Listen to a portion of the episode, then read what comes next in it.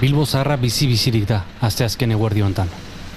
Lanbideko bulegoaren parean hilara dago. Batek zigarreta du piztuta, eta besteak telefonotik azaldu dio norbaiti bere bizirauteko plana zein den, urrengo jabeteetan. Hiriburuko egi batean gaude, Ibai Zabal estutzen hasten den lekuan. Bilboren azken kaleetako batean bizi da berrogeita bosgarren atal honetako anfitrioia. Kazetaria da, poeta, eleberrigilea, eta gure tribuaren enbaixadorea dagoen lekuan dagoela. Hau barruan gaude da, eta badakizu nola funtzionatzen duen kontuak. Astero-astero, persona baten etxera sartzen ditugu mikrofonoak. Elkarrizketa bat grabatu eta zuri ekartzeko. EITB podcasten edo zure audio plataforma kutxunean arpietu zaitezke, eta asko eskertuko dizugu ala egiten baduzu. Tira gatozen bilbora, gatozen asteazken arratsalde honetara, eta jarri gaitezen etxera bidean. Kaixo hier egunon. Egunon goizalde, iritsi naiz, eh? E, Ah, bai. e, aber topatzeten. bai, bai,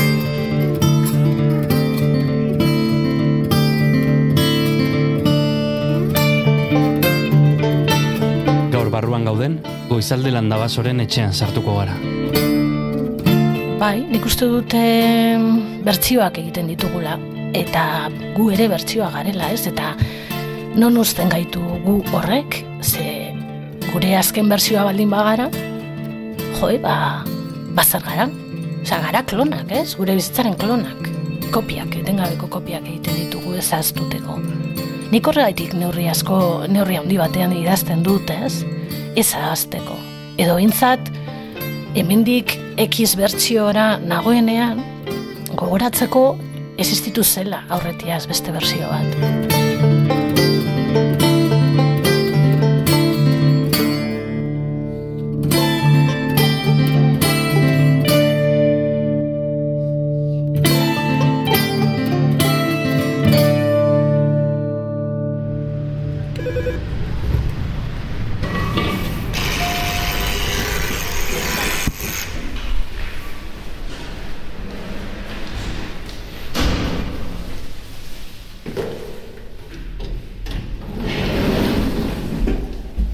Bosgarren solairu batean bizi da goizalde landabaso. Etxe txiki bezain apain batean. Eta ascensore hartu dugu, gora igotzeko. Egunon, Egunon... zelan? Ondo, ondo. Grabatzen ari zara? Beti. Ah, bale, bale. Ez jakiteko gabe. Beti, beti, no, Lasai, lasai. Sartu barenta. Nire, barruan gaude lan atorrenean naiz grabadora bat. Ah. Ni, ni neu naiz Ah, grabadora. bai, eh? Bueno, hori ondo dago. Baitu. Eh, nire zu kafea edo? Kafea, ura, garagardoa... Garagardoa, ja, berandu da. Bai, nik kafea prestatuko dut. Sukaldearen parez pare leio bat dago, ieserako. Etxeko terraza txikira ematen du. Ze terraza? Pena ez dago laguraldi ona, zela Ia, terraza nago genuke. Hotz egiten da hor. Bai. Orain eh, errekara begira dagoanez, Bai. ja hotzak hasten diranean kriston hotza egiten da. Bai. Eta ezin da egon. Bai, baina, eh, ze leku polita, ez? Bai, bai, bai. Ostras, ostras, hau eskertzen da, eh? Bai, bai. Irian bueno. gainea, irian. Bai, bai, bai. Hau konfinamentuan izan da zoragarria. Ja? Ze hemen barruan sartuta egotea, buf, Bai, Behintzat, ba, lorekin eta pasatu edo denpora. Zalea zara, Lorena, ez? Bueno, e, egia esan, gustatzen jataz, eh? baina batez ere gure aitari gustatzen jakoz. Eta orduan Bai, garai bai. batean jubilatu zanean etortzen zan ona gauzak eta atontzen, eta... Ja, está. Pues ya está. Bai, bai. Hemen daukat, uste dut betik ez dela ikusten. Bai. Ez, ez dut ikusi. Ez da ikusi ez, ez da ikusten, baina bueno, Bakizu, hemen... diskretoa da. E, e, Zagardoi hemen bizi da, hemen ondoan. Ah, bai, bai, eta jo, hemen bizi da jente pilo bat. Ez que Fermin. Etxegoien bizi da orgoia. Laizter kongo naiz. A ber, hendik naiz gelditu, baina... Bai. Zagardoien egon nintzen, kalera hontan da. Bai, bai, eta nor gehiago kale honetan ere bizi da Iñaki, ai ez da ez naiz gogoratzen abizena ETB-ko kazetari bat, hemen behan Ah, ETB-ko bai. kazetari bat bizi da. Jesus. Bai, bai, bai, hemen jente asko bizi da. Nik uste dut hemendik bizi dala eh, Juanjo Lasagarre ere bai, Mm, vale. Josune Muñoz eskolastikakoa ere hor alboan bizi da. Baina gehiago tantore berko naiz. Jo, bai, bai, bai, zona... Entzuten duzunez, jende ilustre asko bizi da kale honetan edo inguruetan, eta ziurrenik itzuli beharko gara, eneko sagardoierekin egin genuen bezala. Limoiak eta dauzkazu, eh, Bai. azeituna, gaina, azeituna, ja, jateko modu, ja. Bueno, eh, kaioek jaten da bez, Ah, ez? bai. Eh, bai, bueno, eh, Kaioak etortzen dira ona jatea? bai, bai, bai, bai. Hemen euki ditut, ere letxugak eta tomateak Bai. janda, eta letxuga guztiak jan zituzten. Ah, bai, eh? Letxuga, dana jan dute. E, geri, e, maiukiak eskutatuta daude eta esain beste, eta horre dira, e, zelan dira, e, arandanoak. Habitu. Bueno, ba, eukin nituen dozena bat edo, eskutatu egin nituen ez ikusteko, egun batean etorri, eta ia ezagoen arandan horiek. Kai, kaioak lapurtzen ditu guzta. dana, dana, dana. Bueno, kaioak eh, elikatzen dituzu Bai, modu hori da, sanoan. hori da, hori da. Erlentzako ere e, Bai, bai. bio, biodiversidade edo... Bueno, pena, bezaten etorri beharko naiz eh, hemen kanpoan Bai, egiteko. bai, zemen eh, orain hotza egiten du bai. Bai, presko. Bai. Bueno, garako dizute garagardoa. Jarriko. Eh, Saio hau grabatzeko behar ditugun trasto guztiak bizkarrean hartuta, sukaldetik eskilara piko batzuk igo ditugu, buardillara.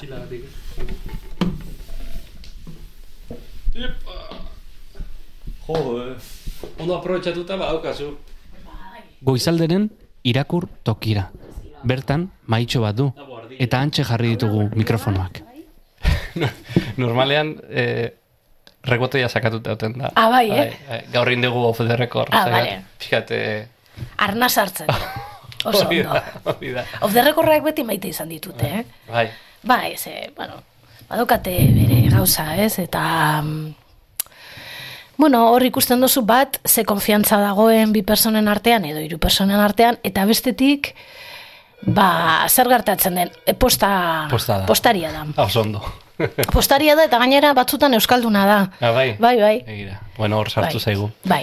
Eh, off the record oso importantea da, ez? Eh, kazetaritzan balio duelako kontaktuak egin, akaso informazioren bat jasotzeko, gero era, ezin dezuna zuzenen erabili, baina lagun zaitzakena, ez?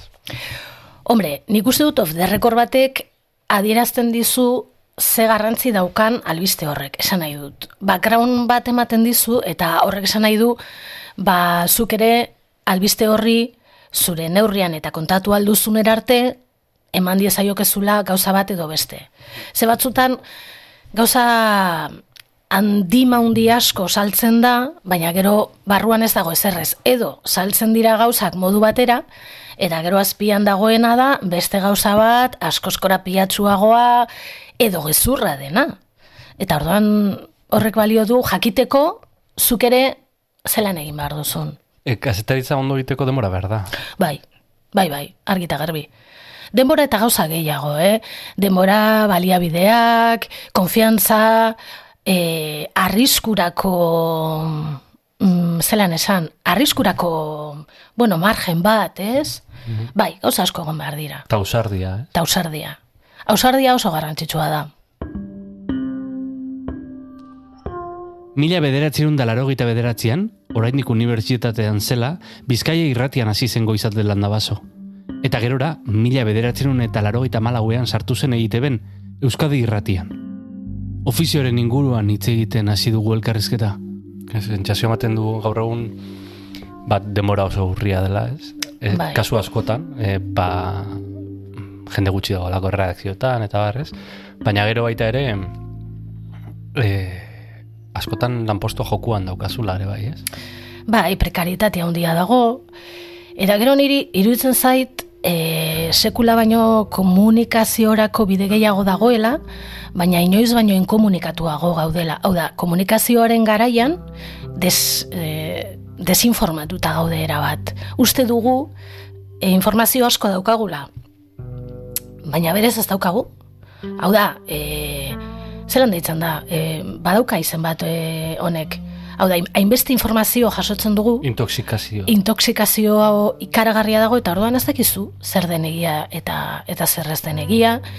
E, uste duzu informatuta zaudela, baina gero sakontzen hasten bazara konturatzen zara ez dakizula ezerrez, ez dakizula benetan zer gertatzen den, ez daukazula gakorik.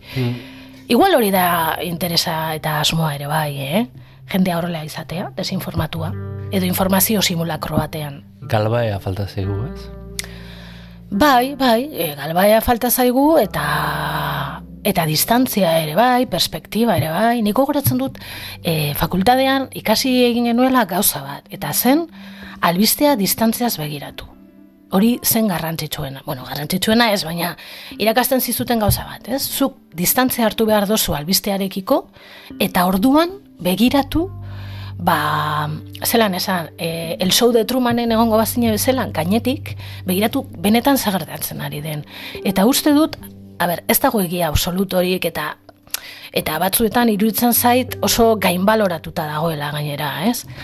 Baina bai emoten dizu, dizkizu bideak eta gakoak ikusteko zerbait gehiago, ez? Hmm. Zertan ari zaren, ze, ze gertatzen ari den benetan, ez?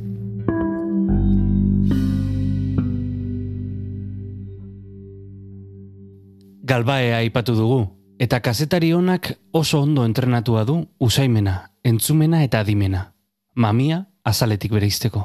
Jo ba, gaur egun egiten den e, kazetaritza mota e, nagusiena e, da fast food, hmm. fast kazetaritza. Eta hor, ez dago denbora harik ez egiteko. Gainera, jente gutxi badago, are gutxiago. E, zer esan, nahi dugu dena emon, baina ezinezkoa da, zuk ezin duzu mundua kontatu. Ze mundua oso ondia da, eta, eta ez daukazu denborarik hainbeste gauza kontatzeko. Orduan nik uste dut autapena egin behar dela, autaketa bat. Mhm. Zuk hautatu behar duzu zer kontatu nahi duzu, eta ondo kontatu. Eta nik impresioa daukat batzuetan, ba, ari galela lasterketa batean, ez? Aber zeinek sartzen duen, albiste gehiago, zeinek kontatzen duen gehiago, zeinek lehenago, Eta uste dut horretan denak ateratzen garela altzaie. Nik zelan egiten dut, ba, ez dakit, ba, erritmoaren arabera, denbora badaukazu gozak prestatzeko, seguruen hobeto egiten duzu. Eta ez badaukazu, ba egiten duzu alduzuna. saiatzen zara, modu duin batean egiten, ez? Baina batzuetan, pff, ba, hmm. ba, duzu. Topatu ditut hiru artikulu el paisen, zukidatziak. Ufa, hori aurre historian. E, laro itamargarren abarka da, maieran. Bai, Eta irurak euskaraz. Bai, e, eskaini zidaten paisen idazteko aukera, uste dut astean behin, edo amagostean behin, edo hilabetean behin, olan, maiztasun handirik gabe, euskeraz. Eta horregatik esan nuen baietz? Zerrarua, ez? Bai, bai, nik uste dut horretan ere atzera bidea egin dugula, ez? Atzerakuntza nabarmena. Bueno, asierretxe berriak e, el, el mundo neri idazte zuen euskaraz lehen, ez? Bai, bai, bai, bai, bai. Orain pentsa da, ez? Bai, bai, hori bai el paisekoa. Eta nik uste tamaia zubiriak saio bat egiten zuela Radio Nacional de España Euskaraz. Uste dute, eta bueno, Franz Blön e, Euskaraz egiten dituzte gauzak. Mm -hmm. Orain e, Fran Dolosor sartu berri da, Euskaraz gauzak egiteko.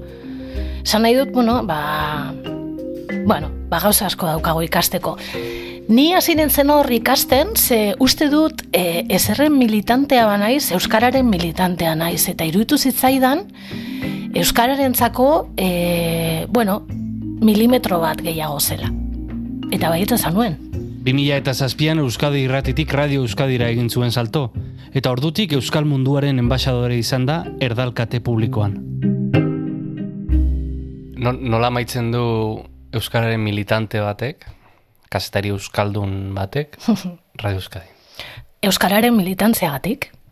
E, badakit hau ez dela ondo ulertzen eta behin eta berriro lagunek eta galdetu diate, zer egiten duzu hor? Nik uste dut, jo, eske eite beri buruz hitz egitea, e, gogoratzen dut garai batean nire lankidea zen eta den bati galdetu nion eite beri buruz eta bera, bere erantzuna, orduan ez nuen erantzun, baina orain ulertzen dut, e, ez nuen ulertu, baina orain ulertzen dut, berak esan zidan, e, eske niri orain digu urte batzuk galditzen zaizkit etxe honetan eta harrituta geratu nintzen. Eta egia da.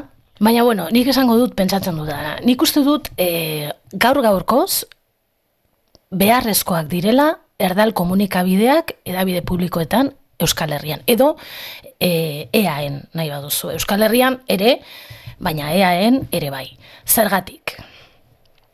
Ba, populazioaren A ber, badakite baikorrenek esaten dute euneko berrogeta marra euskalduna dela edo euskara ulertzeko gai dela. Nik uste dut ez ez, baina demagun euneko berrogeta marra dela. Bueno, ba, populazio ordia falta zaigu, hizkuntzara eta euskal kulturara ekartzeko, eta euskal mundura ekartzeko. Eta zelan egingo dugu ez baldin badigutu ulertzen. Nik uste dut funtzioa, erdale da bide publikoen funtzioa badela, e, gero eta gehiago euskara sartzea. Eta euskara sekula entzun ez duen persona horrek jakin dezan, euskara existitzen dela ze e, erkidego honetan, eta ja ez dinotzut euskal herri osoan, ez ez ari naiz, bizkaiek buzkoa eta araban, badago jentea ez dakiena, euskara existitzen denik. Eta erakutsi behar zaie, fizikaz, fizika nuklearraz, ari gaitezkela euskaraz ere bai. Ulertzen? Aritzen garela. aritzen garela. Orduan, e, uste dut, e, erdal e, Davide publikoi falta zaiela e, pausu hori emotea, zenbaitetan, eta uste dut jo behar dugula gero gehiago Euskara sartzera eta itxart, e, itxastera. Egia orain e, sarean eta irakurri izatugula e, gure edabide publikoak askotan jartzen dituela Euskaldunak gazteleraz, ez? E, adibide bezala jarri zuten e, Beobiako aurrak, ez? Beobia korritzera joandako aurrak, edo goizuetako e, herritarrak, ez? Ba, nik... Beraz E, ziguten katzelatzen barrongo hori da, hori da, eta ni ez naute botatzen. terreno batzutan sartzen ari da. Bueno, nik esango dizut, e, egiten dudan, gaur egun egiten ari naizen saioa, agasela luz, eta nik sartu ditut elkarrizketa luzeak, Ipar Euskal Herriko e, mediku batekin euskaraz. e, Xabi e, Xabainorekin. E, sartzen ziren bost minutu euskaraz, gero azalpen bat egiten zen gutxe gora bera ze esaten ari zen, eta jarraitzen genuen. Zu eredua zara. Akaso ontan, eh? Ontan, Bai, bueno, baina jende gehiago dago, eh? Esan nahi dut, osea, badago jentea prest dagoen hau egiteko. Zer gertatzen da? Jo, eske hau oso luzea da, azaltzeko, eta... Egin nitzake. Eta e, azalduko banu benetan pentsatzen dudana agian kenduko lizukete programa eta niri ere bai. E, nik uste dut hemen ausardia falta dela eta koherentzia ere bai, ez? Esan nahi dute, bueno, e, zean joango zara Bermeoko portura, baina ez Bermeoko portura, ni atzo gazteizen egon nintzen, eta galdutan nengoen, eta neska gazte bi zeuden, eta gogoratu nuen nire gazteizko lagun batek esaten dit, adin batetik bera nik guztiei euskaraz egiten diet gazteizen, zergatik ulertzen dutelako, gutxienez ulertu behar dute. Darban joan nintzaien eta euskaraz e, hitz egin nien, e, galdetu e, parkatu non dago, eta euskaraz erantzun zidaten. Esan nahi dut, askotan errua gurea da, eh? Gu joaten gara aurreritziekin, eta pentsatzen dugu, ui, ez da, ez dira euskaldunak izango. Lekeitioko supermerkatuan pasatu zitzaidan gauza bat, erabaldo txatuta joan nintzen gero. Ba, e, langile bezala egoan, e, Latinoamerikar itxura eukan bat, eta joan nintzaion, eta gazteleraz e, hitz egin nion. E, ez dakiz eskatu nion, ba, donde están los puerros? Eta euskeraz erantzun zian, lekeitioko euskera peto-petoan. Eta ordan pentsatu nuen, joe, zer diran aurreritzia? Una izango zan esatea, jo, goizaldo zure entzulea, naiz. Hori hori da, hori da. Gelitu nintzen, lotxatuta pentsatu nuen, joe, hau, hau ezin da. Denok ditugu aurreritziak eta Bai. apurtu behar ditugu. Zergatik, ba hori hor, e, nik uste dut berplanteamentu bat egin behar dela eta, bueno, beste gauza batzuk egin, ez? Eta benetan eh, Euskararen alde egin nahi badugu, ba beste gauza batzuk egin beharko ditugu. Euskararen enbaixadore izateaz arro zaude ala nekatuta. Ez naiz enbasadorea, eh? Bueno, bazara, bazara egin batean. En, Euskal Herriko edabide e, erdaldun batean lan egiten duzu, entzule asko dituena, eta bertan, ba, ba bueno, oso presente dituzu gure referenteak, ez? Bai. Akaso, hori bada nola ere enbaixadore izatea, haundi keria kenduta, eh? Bai. E, a ber, niri, ni bizi naiz, hasi naiz eta jaio nintzen eremu erdaldun batean. E, deustu harra naiz, baina deustu nahiko erdalduntuta zegoenean. Bilbon euneko geita bosta Euskalduna da, baina oso sakabanatuta dago eta oso hiria handia da. Orduan, Euskaldunok eta Euskaldun kontzienteok e, lubakietan bizi gara. E, ez dut esan nahi honekin, lubakietan bizi gara esaten dudanean, esan nahi dut, etengabeko borroka batean, ez? Eta egun batzuetan nekatu egiten zara, eta esaten duzu, "Ba, gaur, sartuko naiz denda batera, baina ez dut euskaraz hitz egingo, ze ja, behar dut e, ba, atxeden bat, ez? Nekatuta nago. Bai, ni batzutan udan, e, nire gurasoek oporrak pasatzen dituzten lekeition, eta gustatzen zait joatea, e, lekeition bizi direnek igual ez dute ikusten, baina niretzako da arnazgune garrantzitsu bat. Eta orduan, badakitara noala, eta ez daukadala problemarik. Mm. Ze edozein lekura noala, euskera zein diate. Estresa desagertzen. Hori da.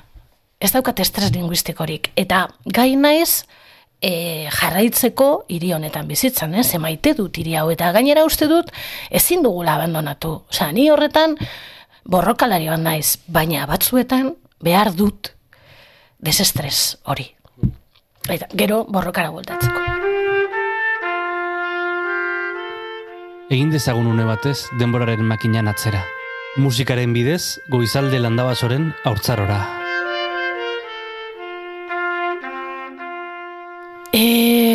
Gure etxean kantatzen zen e, oso oso ume ginela, eh? Gero ja, desagertu zen kantu hori ez dakiz zergatik. Gure ama frantsesez kantatzen zegun. Fregeiak ez, fregeiak ez dormegu. Eta uf, urteak dira, astutan eukala eta berreskuratu egin dut. Gure amaren familia zati bat iparraldekoa da, eta ez dakiz zergatik, ba, seguruen kantu hori kantatuko zion umetan, eta berak buruan zuen eta kantatzen zuen. Baina, jo, ba, ez dakit, gogoratzen dute duela urte asko, asko, asko taberna batean lenguzu eta lenguzinekin e, aukera eman zigutela disko bat erosteko. Eta nerabeak ginen, eta nik uste dut, e, nik hartu nuela Ruber Ordorikaren e, e, ni ez naiz Noruegako errege. Ez dakit zer baina gustatu zitzaidan azala, eta zan nuen nik hori. Eta, bueno, lenguzu eta lenguzinek beste bat hartuko zuten. Eta gero denborarekin oso ruperzale bihurtu nintzen, eh? Baina orduan nintzen gauza inkonstiente bat, ez? Bueno, pues diskoa, oiz?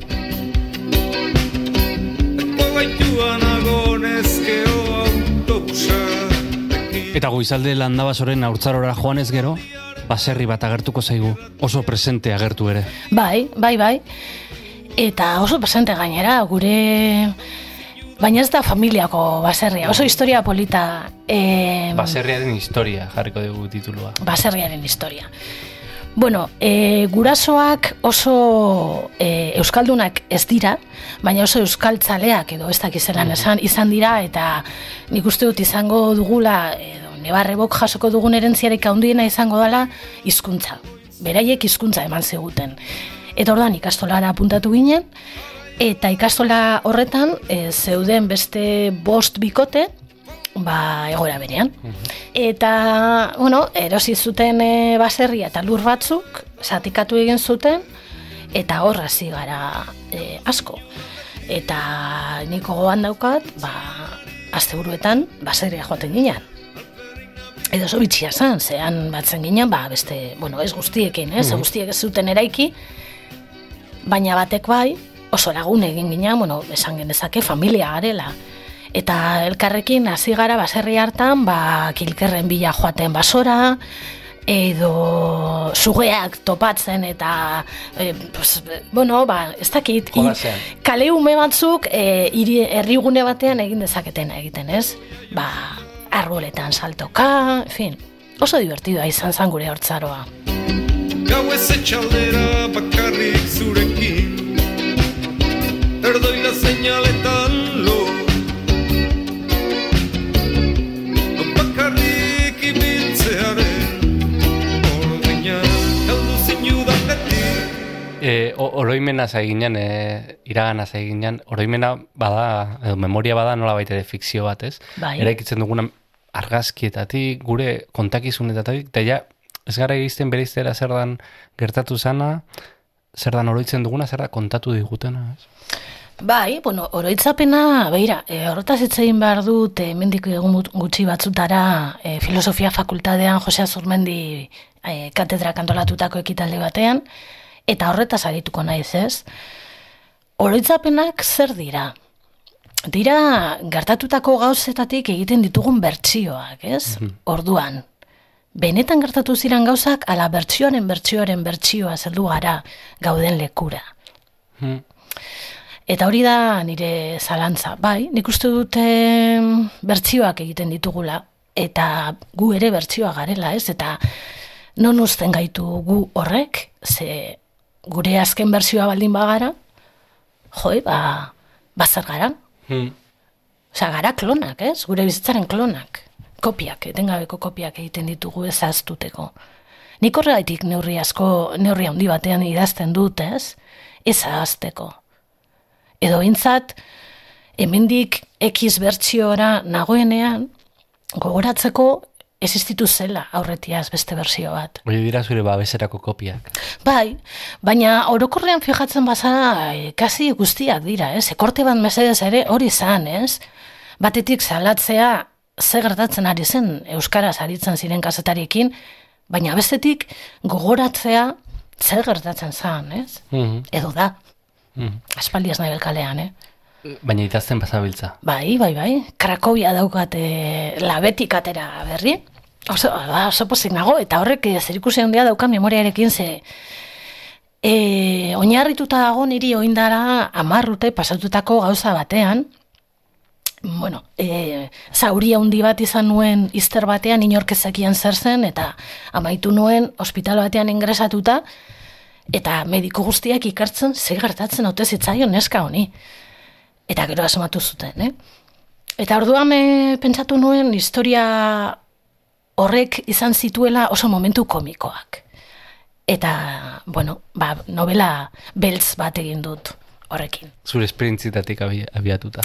Bai, umore beltz beltza, oso beltza, maite dut umore beltza, ikaragarri. Ricky Gervais gustatzen zaizu? Ez, fíjate, ez zait eh? gustatzen, jo, eh? beltza zaiz- eh, gustatzen bazaizu? Mm, baina ez zait gustatzen, uste dut bera dela gustatzen ez zaidana. Be- Bai. Berak eh, badauka zerbait atzera botatzen nagoena. Bai, eh? Bai, bai ez dakit zergatik. Baina umore beltza asko gustatzen zait, ironia, piloa gustatzen zait, eta bai. Hmm. Humorearen inteligentzia da. Bai, bueno, bai, seguruen, bai, bai, bai, izango da. Umore inteligentzia da, umorea... Kultura da ere. Kultura da ere, bai. Umorea bizitza da ere, bai, ez? Ze, pff, eta bada modu bat erlatibizatzeko e, mundua, erlatibizatzeko zure bizitza, zure dramak, zure pozak. Zergatik ospatzen zu bi aldiz urte betetze? Ba, e, istripu bat izan nuen, duela urte pilo bat, mila bat ziren da laro, eta emeretzean, e, iraiaren amarrean. Laneran joala, e, kotxean, auto bat, nik ez dakit, despistatu zen, ez dakit zai pasatu zen, eta talka egin zuen irarekin aurrez aurre. Eta, bueno, ospitalean amaitu nuen, eraman ninduten, eta gogoratzen naiz, e, hori baino, bueno, kotxea sinestro total, eta ni e, ambulantzean ni joala e, zera da, e, ospitalera, ba, handik, osea, ez dakit, bi aste, hiru aste lehenago ezagun bate kontatu, e, bera bolondresa zan, mm, horrelako mm, gauzatan aritzen dan e, ambulantzia batean, eta esan zian, joe, zer pasatzen azpazaizu, errezatu ez joateko hauek. Jo, eta hoiek agertu ziran, eta pentsatu nuen, ai ama, eta barruan nengoan ambulantzean galdetu nion nirekin zijoa mutilari, zu izango zara medikua edo zerbait, ez? Eta ark erantzun zian, bai, sanitarioa naiz. Eta nik buelta nuen, sanitarioa, sanitario. Eta bai, eta baitu nuen hor, eta horregaitik ospatzen dut e, urte betetzeri. Beti ospatzen dut bakarrik, gainera, ze jendeak aztuta dauka, goratzen dut, izan zara momentu hartan, familia guztia mobilizatu, ez?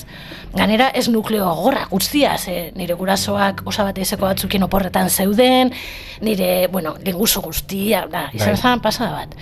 Gogorra izan zen. Bai, gogorra da bizitzea, e, orduan ez zegoen sakeleko telefonorik, e, horren ostean erosi nuen nire lehenengo sakeleko telefonoa, eta gogoan daukat e, urgentzitan, zain nengoala gizon bat, kamioilari bat, Real Madridekoa, ze baukan holan Real Madrideko zera, telefonoa, eta eskatu nion mesedez, haber, usterik zuen telefona, eta bai, noski, eta nire lehenengo deia, telefono deia, larrialdietatik egin nuen. Bai. Eriotzari bildurra diozu. Mm, beldurra diot maite ditudanen eriotzari. Mm, eriotzari ez dakit bildurra diodan. Ze momentu batean hilko gara danok, eta desagertuko gara. Ez dakit bildurra igual minari, mina, mina pasatutakoa naiz, eh? baina, bueno, ba, mina zait gustatzen, bueno, inori zait gustatzen, noski. Eta bildurra diot, e, maite ditudanen eriotzari bai. Mm. Osea, horrek edo hoiek usten duten utzune horri. Utzune bete horri.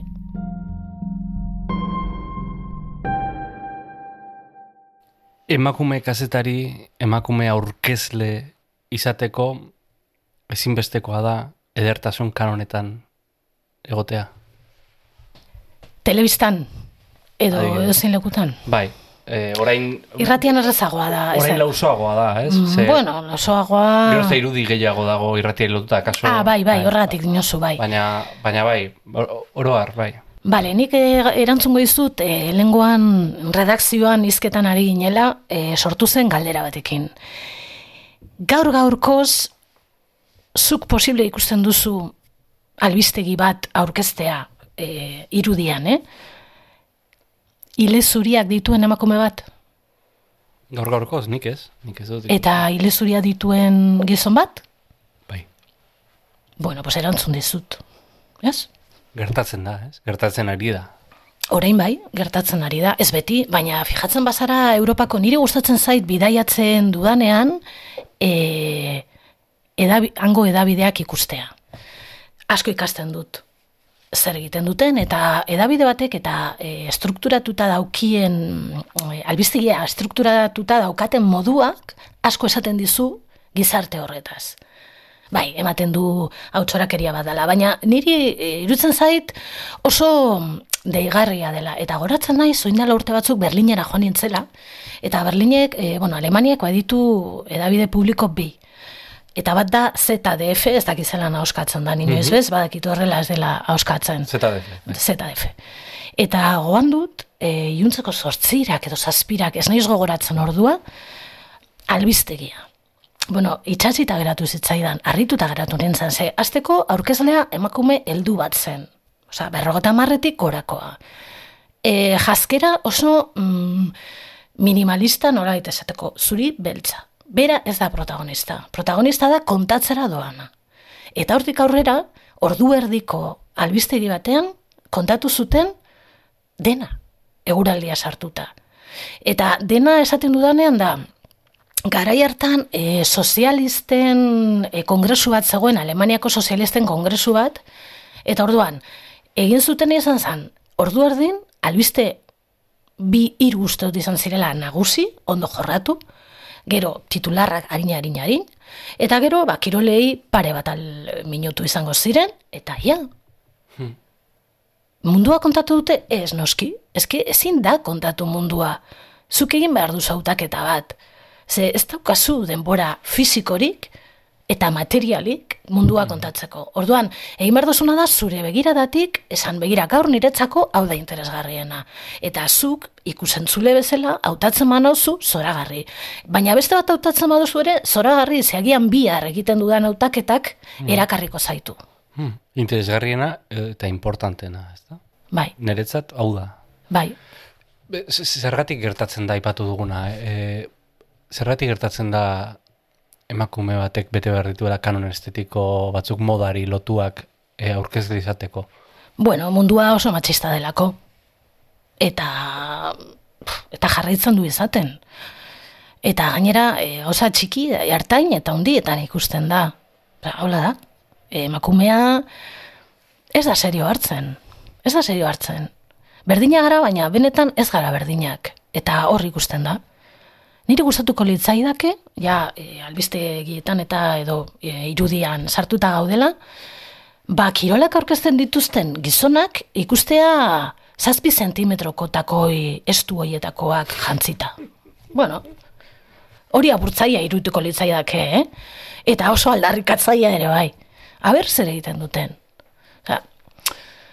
Uste dut, e, pentsatzen dugula, edo garaion, e- ez da gure arazoa bakarrik, eh? uste dut, mendebaldeko arazoa dela, ez? E, mezularia dela garrantzitsuena. Eta aztu dugu, e, mezularia bakarri da zubi bat.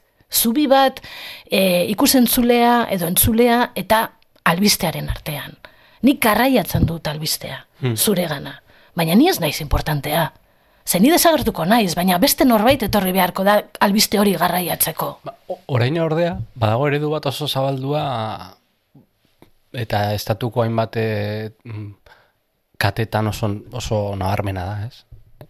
E, kazetaria protagonista bihurtzen den eredu bat, ez? Bai, Iritzia ematen du, tele, teleberri batean, bai, e, personaje da elkarrizketetan, sentsazioa ematen du, ez? E, ez dakitan eredu importatu bat estatu batuetatik, edo kazetaritza eredu a- amaristago bat, edo no oso zabaldua dago. bai, dena da show bat. Ez zait gustatzen, eh? Ni me, ez ditut maite. Niri ere, ez? eh? Eta, Bat ere. Bat ere. Niri e, e, kate hauek egiten... Ba, a, bitu, e, Jordi Ebelo aipatzearen, adibidez. Bai. Adibide bada, ez? bai, bai, Eta niri, ez dakit zergatik, e, horrek, personaje bihurtzeak eta eta kazetaria bera edo zubia dena e, izatea brillo gehien daukan persona, bai. horrek mesfidantza sortzen.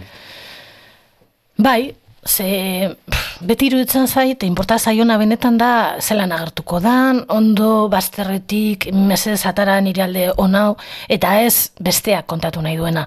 Nik uste dut komunikatzai on batek, e, bat entzuten jakin behar du, eta bi desagertzen ere bai. Eta ez dakit bietatik betetzen ote dugun batzuetan behintzat ezer. Eta hirugarren bat ausarta izan behar da. Ze kazetari batek e, gauza deserosoak ere galdetu behar ditu.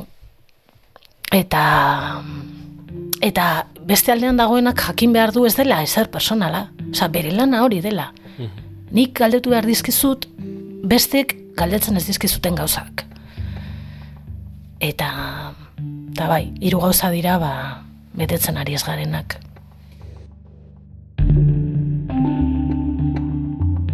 Askotan sareetan e, ikusten dugu nola partekatzen dituzun nazioarteko portadak, nazioarteko prensa, ez? Bai, Gustatzen zaizu pioa gustatzen zait. The New Yorker. The New Yorker ikaragarri gustatzen zait. Ba, iru- eta libegazionek egiten dituen Baita azalak, esan zidaten, eh, agian joan da dagoeneko, eh? baina eh, libegazionek daukan estetika hori portadena, Nafar batek egin zuena. Ara? Bai, eta gero egia da, denbora pasatu da, eta ez dudala harakatu eta kuskuseatu gehiegi horretan, ez? Baina hemengo batek horrelako gauza bat eh, asmatzea pentsatu nuen, jo, eh? Ze gauza, eh? Bai, ze gauza. Elkarrezketatuko nuke. Hombre, hombre, noski. E, bai, gustatzen zait pilo bat eta gustatzen zaizkit e, albisteak irakurtzea kanpokoak eta e, zein da zure rutina zentzu hortan? ba bira, ni e, batez ere lanean nagoenean egiten dute, baina bestela ere e, saiatzen naiz askorik ez sartzen, ez? Bueno, orain astenetan esatetarako jai daukat eta orduan Bai. apur bat haut nago, baina bestela gustatzen zaiz sartzea orduan. Esnatzen naiz eta gozaltzen ari naizen bitartean edo lanera heldu naizenean, e, ba hori, kafe bat hartzen ari naizen bitartean hasten naiz ba berria irakurtzen, hemengoak gutxe gora bera, gero sartzen naiz publiko, eldiario.es, La Marea, Infolibre, ba apur bat em, normalean ikusten ez diren horrek, ez?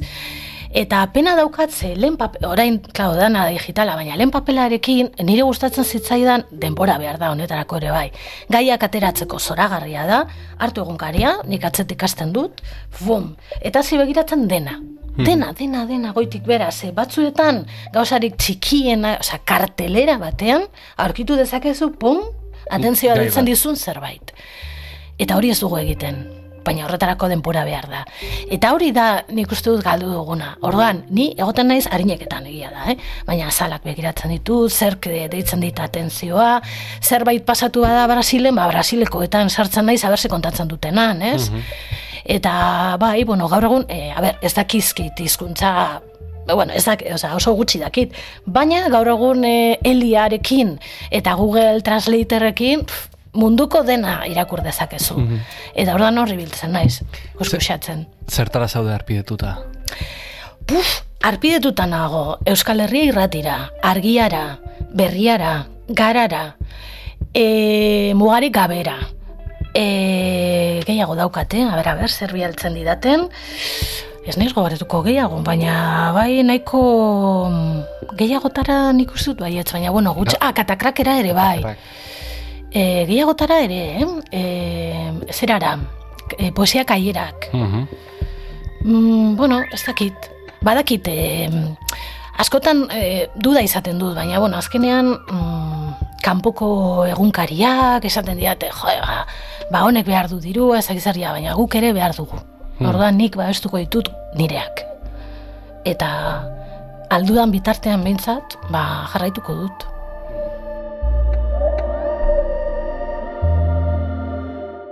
Zer kezkatzen zaitu orain? Zer keskatzen hauen, bueno, ez keskatzen hau e, nire gurasoen adinak eta egoerak, eta eriotzak, bai, aitortzen dut. Kezkatzen nau hola modu personalean, eh? Eta gero, e, bueno, ba, kezka handia daukat, e, uste du daukala zer ikusian, ad, ez dakit adinarekin, edo garaiekin, edo zelan zartuko garen. Nire zaharrak ikusten ari naiz, eta gu zelan zartuko garen. Eta norekin. Eta behin eh, lagun bati esan nio, nik eh, sartu nahi dudala maite ditudan personekin. Berdin, osea, odolezkoak izan edo ez, eh? Osea, ikusten dudala komunidade bat. Eta elkarrekin bizitzen, berdin zait, ze adinekoak, elkarri laguntzen, bai, holan gustatuko litzaidake izatea. Esan nahi dute sororidadea bere zentzurik zabalenean. Gizonak eta emakumeak, eh, berdin zait. Eta, bai, horrek kezkatzen hau. Eta gero kezkatzen hau ere bai, ba, Euskararen egoerak eta herri honen egoerak, herri honen zatikatzeak, e, identitatearen likidotasunak, bai, gauza asko kezkatzen nabe, ikusten duzunez. Eta piztu? Ba, horiek ere bai. Zeni, eh, ez dakit, erronkazalea naiz, e, olako martzianadetan sartzeko aproposa, beti abentura guztietara albadut beintza salto egiten dudan. Eta... Kezka erregai, eh? Hori da, hori da. Ni e, kezke uste dut ez nautela paralizatzen, guztiz kontrakoa. Pentsatzen dut beti, nire burua beti dago, bueltak emoten zelan, buelta emon honi, zelan. Bai, Erraz imaginatu dezakegu gauden buardilla honetan goizalde landabaso idazten. Krakobia liburua esaterako. Elkarrizketa hau egin dugun astean bertan kaleratu duena. Krakobia aipatu duzu, baina polizia Bai. idazten ari zara. Bueno, baditut poemak idatzita, baina bakizu zer gertatzen den e, denbora behar dudala. Eta, jo, denborak jan egiten hau. Ez da, badaukada ez zirriborroak, ez poemak, zirriborroak idatziak, egunen baten helduko diot Krakobiarena kentzen du da, kendu zentzurik onenean, Bai, eh? bai, bai. Kendu, kentzen dudanean, duzunean. hori da.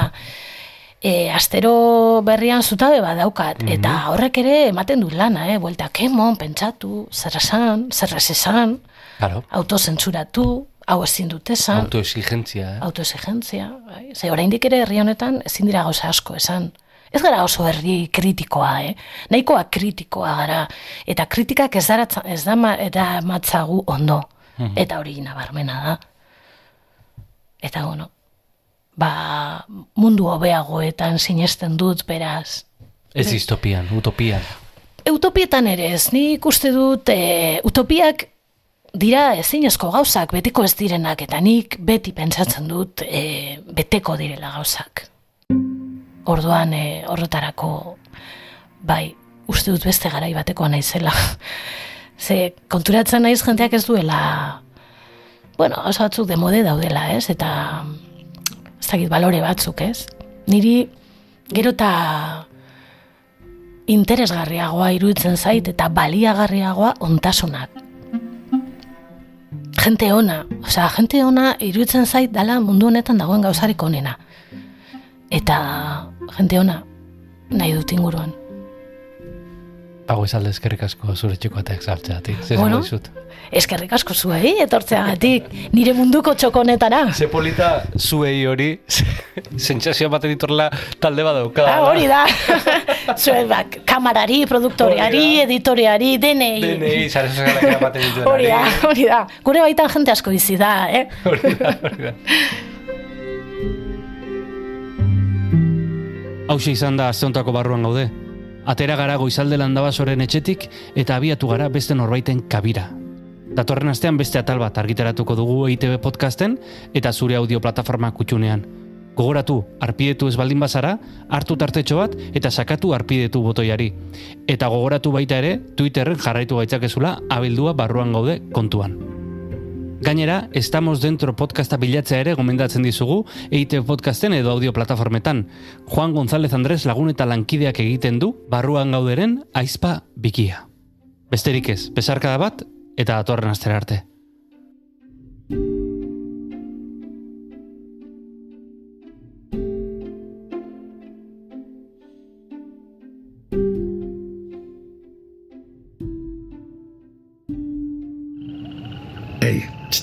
Entzun hori.